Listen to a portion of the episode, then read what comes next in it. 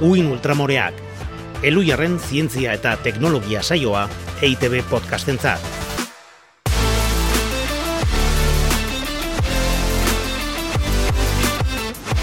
Kaixo, nagore errementeria argote, gaur sexua.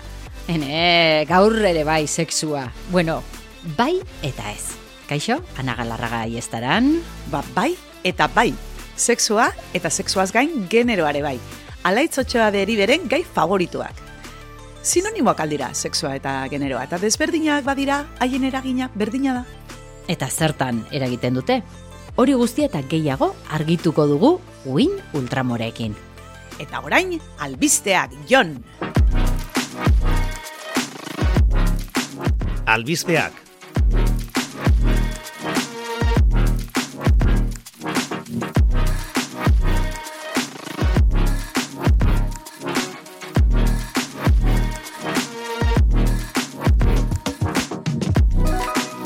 Hasiko naiz.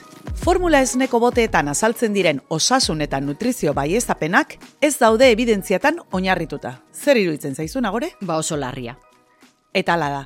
Eta hau egin dute ikerketa bat mundu osoko amabost herrialde hartuta kontinente guztietakoak bote pila bat, zazpireun bote, eta hila danetan jartzen zuen zerbait, ba, e, kognizioan laguntzen du, garapenean laguntzen du, batez ere gaina nerviosistemaren eta garunaren garapenean laguntzen du, eo, bestia jogurretan ere jartzen duena, immunitate sistema indartzen du. Mhm. Eta begiratu dutenean, ba hori e, zertan oinarrituta esaten duten, ia behin ere etzen azaltzen saio kliniko bat edo ikerketa bat edo ez zioten aipamenik egiten ezeri. Baina egiten zutenetan ere, begiratu dute horren atzean ze ikerketa zegoen, eta gehienetan oso oso aulak ziren eta ez zeukaten bizinezgarritasunik, ez fidagarritasunik.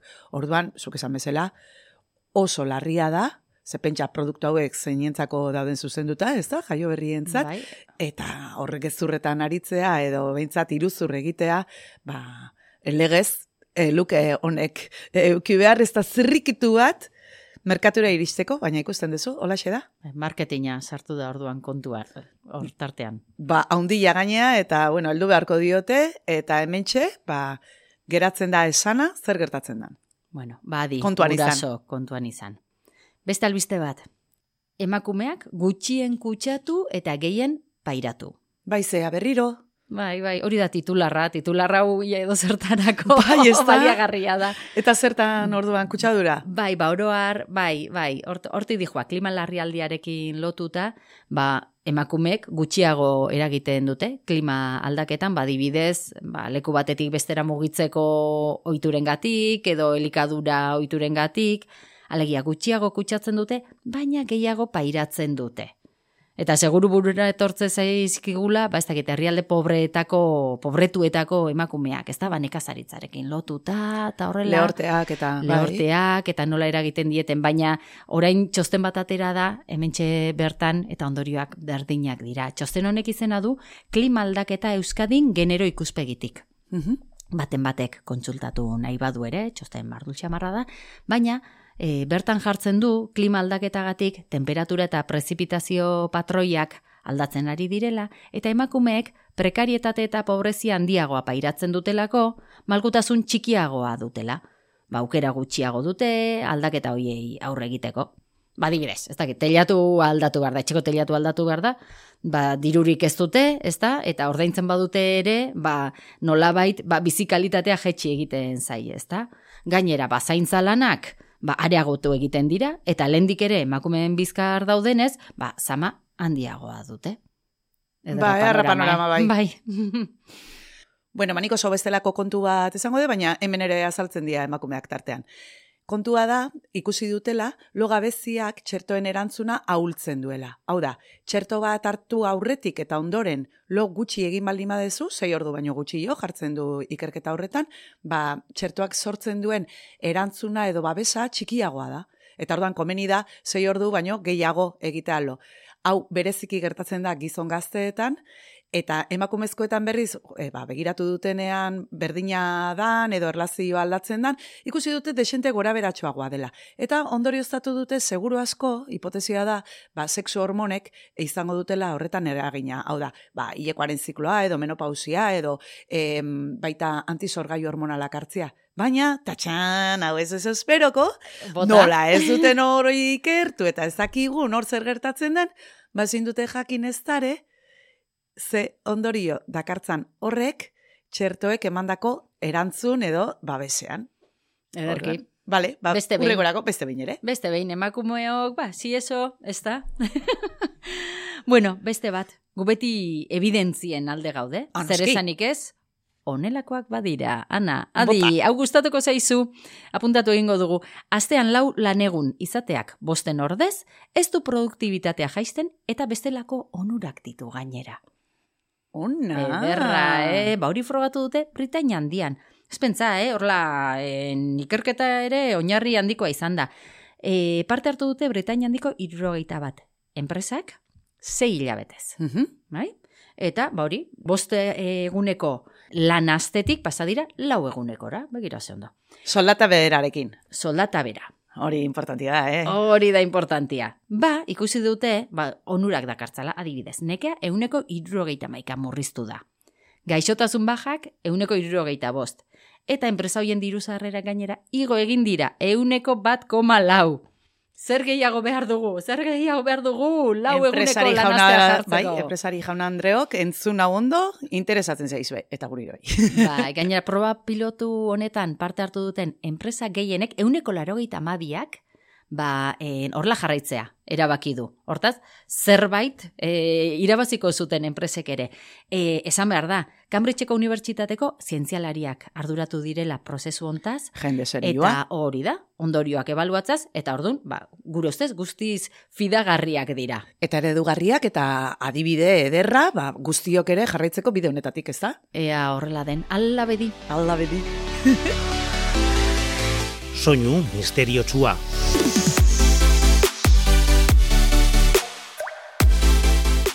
Gaur nik ekarri dut, soinu misteriotxua, Ana, hori badakizu. Eta entzuteko gogo Entzuteko prest. zara, ezta? Nire, Jarri, jarri. fa- nire favoritotakoa, gero kontatuko dizut, bukeran, zergatik.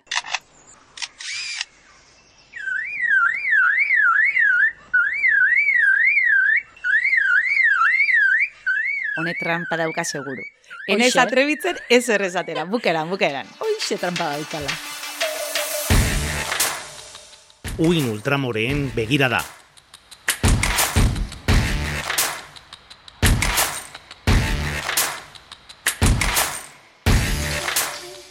Ba, bagato, zuin ultramorez, ekain nagusia aztertzera, hau da, sexua eta generoa, ba, bi kontzeptu hauek eta haien definizioak ez da ugari eragiten dituztelako. Gure asmoa ez da ez da gaiztotzea. Baizik eta nabarmentzea pertsonon gorputzen gainean faktore biologikoak eta soziopolitikoak agintzen dutela.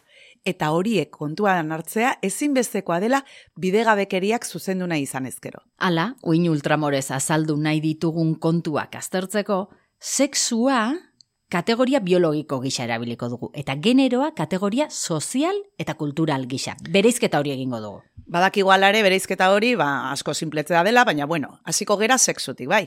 Komeni da argi izatea sexu biologikoa ez dela bitarra, bimodala baizik. Hau da, ez daude arrak alde batean eta emeak bestean eta hoiek bakarrik. Hori ez gertatzen ez animalietan eta ez da pertsonetan ere. Bi horiekin batera beste aukera pila badaude. Bai, pila bat, baina pila bat, eh? Esate baterako, kromosometatik azten bagara, ohikoa izaten dela, ezta? Bereizketa hori egiteko kromosomak erabiltzea, ba pertsonetan, isa-isa zelulak, emeak dira, isa igrekoa arrak. Baina gertaliteke pertsona baten zelulak ez izatea isa-isa edo isa-i.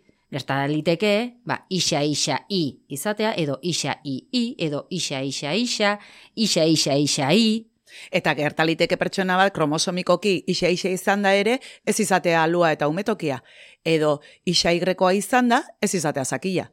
edo bigarren mailako sexu ezaugarri desberdinak izatea. Baiz pare, esango dizute, e, bueno, zu badakizu, baina a, e, bigarren mailako sexu ezaugarriak dira, bularra, ia eta bizarra, aldaken eta gerriaren arteko proportzioa, eskuen eta oinen neurria, ba, biztagatik esaten duguna, ez? Ba, Mhm. hoiek ere, ez daukate askotan, zerikusirik kromosomeekin. Ba, Bai. pentsa. Hortaz, ba, garapena, esan daiteke oso komplexua dela, eta denetari dagoela. Kromosomez gain, hormonek ere eragiten dute garapenean, eta pertsona asko askoren garapenak eta itxurak bat egiten badu ere bere emakumezko edo gizonezko kategoria ertsi horrekin, beste askorenak, ba, ez du bat egiten. Eta denak existitzen dira, denak dira normalak. Hori da. Hori alderdi biologikotik. Gero dator nola sozializatzen garen eta gaituzten. Nola azten eta ezten gaituzten. Aspali esan zuen Simon de Bugarrek ez da, emakumea ez da jaio, egin egiten da. Ba, horri generoa deitzen zaio. Eta generoa ere kontuan hartu behar da horrek ere eragina baitu eta ez txikila. Ba, urrutira joan gabe, zientzia munduko genero arrakalaz, ba, aurreko atal batean aritu ginen, ez da?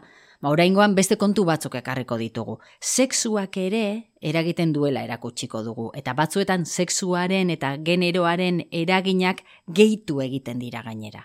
Adibidez, bihotzekoetan, hau da, e, bihotzeko atakeetan. Badakizu zein diaren sintomak ez da, nagore? Bueno, mundu guztiak dakizkienak behintzat dira, ez da, ba, bihotzeko mina, bularraldeko mina, ez da, e, ezkerreko besorata lepo aldera zabaltzen dena, horrekin lotzen dugu normalean. Hori da, hori gizonetan eta emakumeetan, Ah, ba bai, eskerrak esan duzun. Ze, ez da hain zabaldua hori, ez da? Emakumeetan ez dira hoiek sintomak. Normalean, beste ondo ez mota batzuk izaten dira. Presioa bularraldean eta sabelaldean, tripak nazita, zorabioa, Alegia, sintomak desberdinak dira, se, e, sexuaren arabera. Hori da, orain demagun bi pertsona ditugula, bat e, hasieran esandako sintomekin eta bestea hau honek dituena, eta medikura joaten dira. Eta biek diagnostiko bera jaso beharko lukete, ez da, bihotzekoa daukatela. Baina ze gertatzen da? Ba, gero eta gutxiagotan zorionez, baina oraindik ere, ba, behar baino gehiagotan gertatzen da, gizona zuzen diagnostikatzen dutela, baina emakumea oker. Askotan emakumeena antxietatea dela e, pentsatzen dute. Eta proba gehiago egin gabe, ba, lasaigarriak errezetatzen dizekiote. E, ba, hori genero albora apenagatik gertatzen da. Badagoelako uste bat, aurriritzi bat, emakumeek antxietatea gehiago pairatzen dutela, eta beraz, sintoma hoiekin, pazienteak antxietatea izango duela pentsatzen dute mediku batzuek, eta ez bihotzekoa. Aldiz, gizonei probak egiten zaizkie eta bere ala tratatzen dira. Horregatik proportzioan, emakumeek hormoneengatik, alegia, ba, beren sexuaren gatik, menopausiaren aurretik bihotzekoak izateko probabilitate txikiagoa izaten duten arren, haien hilkortasun tasa handiagoa da gizonena baino. Ostras. Jolin, Hortaz, emakumeak bihotzekoak izatetik babesten dituzte sexu hormona femeninoek, baina medikuen genero alborapenak arriskuan jartzen ditu. Ez hori bakarrik, askotan gertatzen da emakumeek berek ere ez dituztela bihotzekoen sintomak ezagutzen, eta hortaz ez dira konturatzen zer gertatzen zaien. Eta nola beti dituzten gauza pila bat egiteko, norberaren buruari kasu egitea baino, asko ere importateagoan denak, noski, ba ez dira medikura joaten oso berandura arte. Eta hori, hori ere, ez da sexuagatik, hori generoagatik da. Bestalde, tratamenduak ere gizonei egokituta daude, beren sexuari egokituta. Zergatik, ba, aurrekoan eta aurreko albiztean ere aipatu dugun bezala, ba, saio klinikoetan estandarra gizonezkoa delako. Hortaz dena gizonentzat egina dago eta emakumezkoentzat askotan ez daina proposa. Total, argi eta garbi, bihotzekoetan, sexuak eta generoak biak eragiten dute eta nola gainera.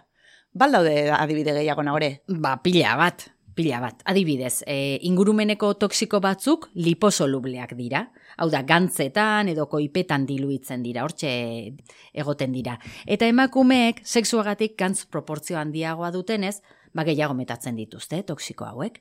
Beste toksiko batzuk berriz, ba generoaren arabera eragiten dute kaltea. Alegia, emakumek eta gizonek dituzten rol desberdinengatik. Adibidez, kusi dute garbiketa produktu toksiko batzuek minbiziak eragin ditzaketela, ezta? Ba, normalean garbiketa produktuekin nortzuk aritzen dira emakumeak. beren sexuagatik eragiten die gehiago? Ba ez, ez, produktu horiekin lana egiten dutenak gehien, gehien bat emakumeak direlako gertatzen da hori. Eta beste kasu batzuetan gizonezkoak dira kaltetuta ateratzen direnak, adibidez asbestosiarekin. Haiek egiten zituztelako, justu amiantoarekin zuzenean lana haiei tokatzen zitzaien. Hori da, baina kontuan izan baita ere, haien arropa garbitzen zutenak, emakumezkoak zirela, eta haiek ere izan dutela gaixotasun hori, baina etzaile ofizialki laneko gaixotasun gisa aitortu noski. Are okerra orduan. Jo, e, Ederra panorama.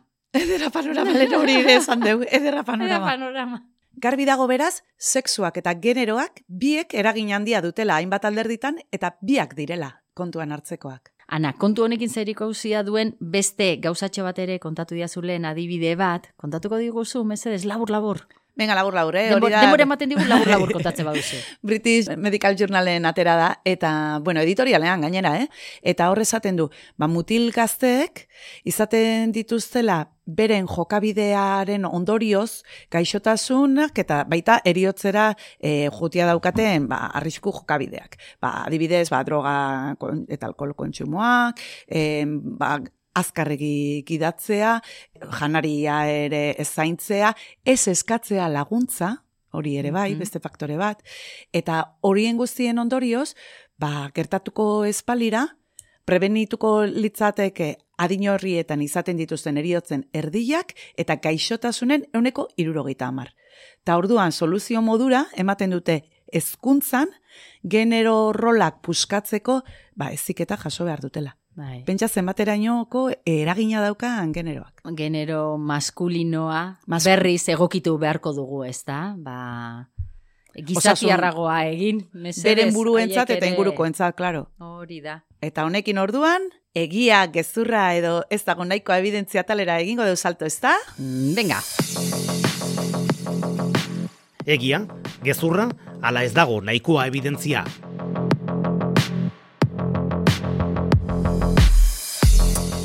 Egia da badagoela Nemo puntua izeneko leku bat, ozeanoan, zeina lur lehorretik urrunenen dagoen, eta ara bideratzen duten zabor espaziala? Eta gainera izena du Nemo, bueno, bueno, hori guantxe inventatu dezuna gore. Galdera hau luze gezurra xarra. Ez duzu ezagutzen, Nemo puntua? Egia da, Ah? Ana, Nemo puntua, bai, zabor espaziala, ez dakitenean zer egin, ez da, basaiatzen dira horraxe e, bideratzen. E, ozeano barean dago, eta hori da, edozein lur e, puntutatik urrutien gelditzen den ozeanoko puntua, Nemo puntua, zeizen polita, eh? Oso izen polita, eta bada, badauka logika gehia esan, eh? Ja nerea, egia alda azenarioa jatea una dela ikusmenerako. Hoixe baiet. Inoiz ikusi alduzu bauntxi bat betaurrekoekin. Egia, bueno, egia da, askotan entzun dugula hau, baina egi egia ere ez da, ez da azenarioa batik. A vitamina behar da ikusmenerako, baina azenario asko janda, ez, eh, Ez da zaigu- hobetzen. Ez da bista Ez. hobetzen eta ez zaigu miopia sendatuko. bueno, ba. Orduan, bueno, A vitamina da gakoa eta beste elikaigai askotan ere badago. Bueno, azenarioak ere jaten Eta jarraituko du. azenarioak ere bai. Bai. Egia da, usaimena dela zentzumenik primitiboena? Bai, hori egia da. Hori akordatzen naiz gainera, Nobel saria eman ziotela, emakumezko bat zen, e, ba, ikerketa hobetan ibi zena, eta bai, bai.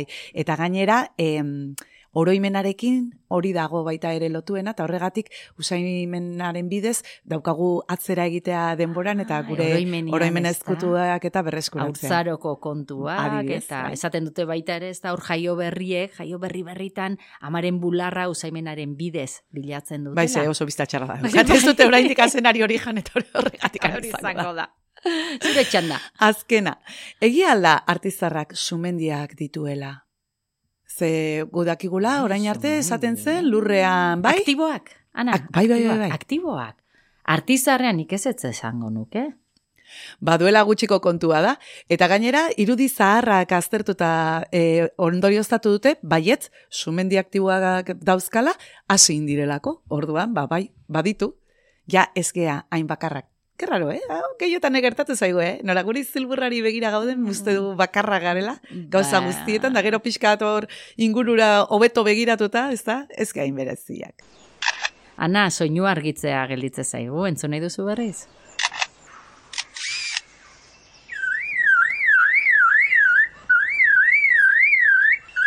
Bueno, ba, e, e, guaindik bueltak ematen nahi naiz, eh? ze nun dagoen trampa, nun dagoen koska, ze hau ez da dirudiena, ez da? Hoixez, ez? Ez da dirudiena, zer da, zai dazo? Balira egazti bat da. Badakizu lira gaztiak zeintzu diren Australia aldean ta bizi Hola, dira. bai, dake, dira. bai, ez? E, Izatxak, e, izatxa hori, hori da, bai. horregatik dute lira itxura dauka da. izatxak, bai. Espezie pila bat daude, eh? baina horrelaxe, eh, lira itxura dauka izatzak, horrela luma dotore batzuk dituzte, eta gian ezaguna egingo zaizu, en, lira egazti batzuek egiten dituztelako horrelako xe, toki dotore batzuk, apaintzen dituzte emeak erakartzeko, Ze eta kantatu, eta bai. Baina eta soinu horiek, hori hori Eta ere horrek egiten soinu du. horiek, ni behintzat deskubritu nituen David Attenboroughken, zea, dut, majo. ai, majo.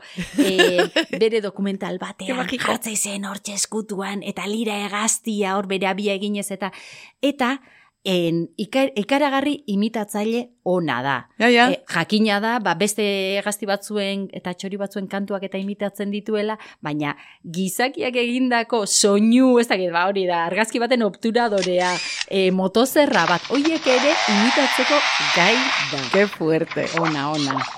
Banekin, banekin. Eta holaxe iritsi gara bukaerara. Gaur biurri ibili zara, eh? Ea aurrengoan, nahore zintzoago etortzen zaren, Ez edo... daukat inolako asmorik zintzotzeko. Ez, ez, ez, ez, Zer da, emakumea naizelako otzana eta ez, ez, ez, ez, saiatu gaitezen pixkat rebeldeago izaten. Ondo, ondo, gustatzen zait hori. Kostatzen zaigu, baina tira. Mi Gaia- esker, gurekin onaino iristagatik, esan. Esan behar nuen gai asko gustatu zaidala. Ana askotan e, guri tokatzen zaigu, ez da albisteetan eta baina hau generoagatik da, sexuagatik da, ea horrela argiago daukagun guk ere eta gure ingurukoek ere bai. Ba, eskerrik asko, nahore. Bueno. Eta zuire bai entzuleok, eta honekin bukatzen dugu Uin Ultramorea, badakizu Eloiarrek egiten duela EITB podcastentzat, eta beraz, atal guztiak EITB podcast atarian dituzuela, zientzia.usen bai, eta noski, ba, audio plataforma guztukoenetan. Hoxe, zabaldu, entzun eta berrentzun eta berrerabili nahi duzuen, aina. Urrengor arte. Urrengor artea jo.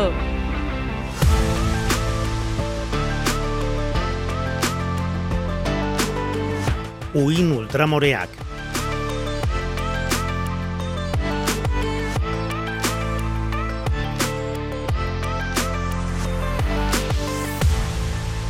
Inoiz ikusi alduzu ba untxi bat betaurrekoekin.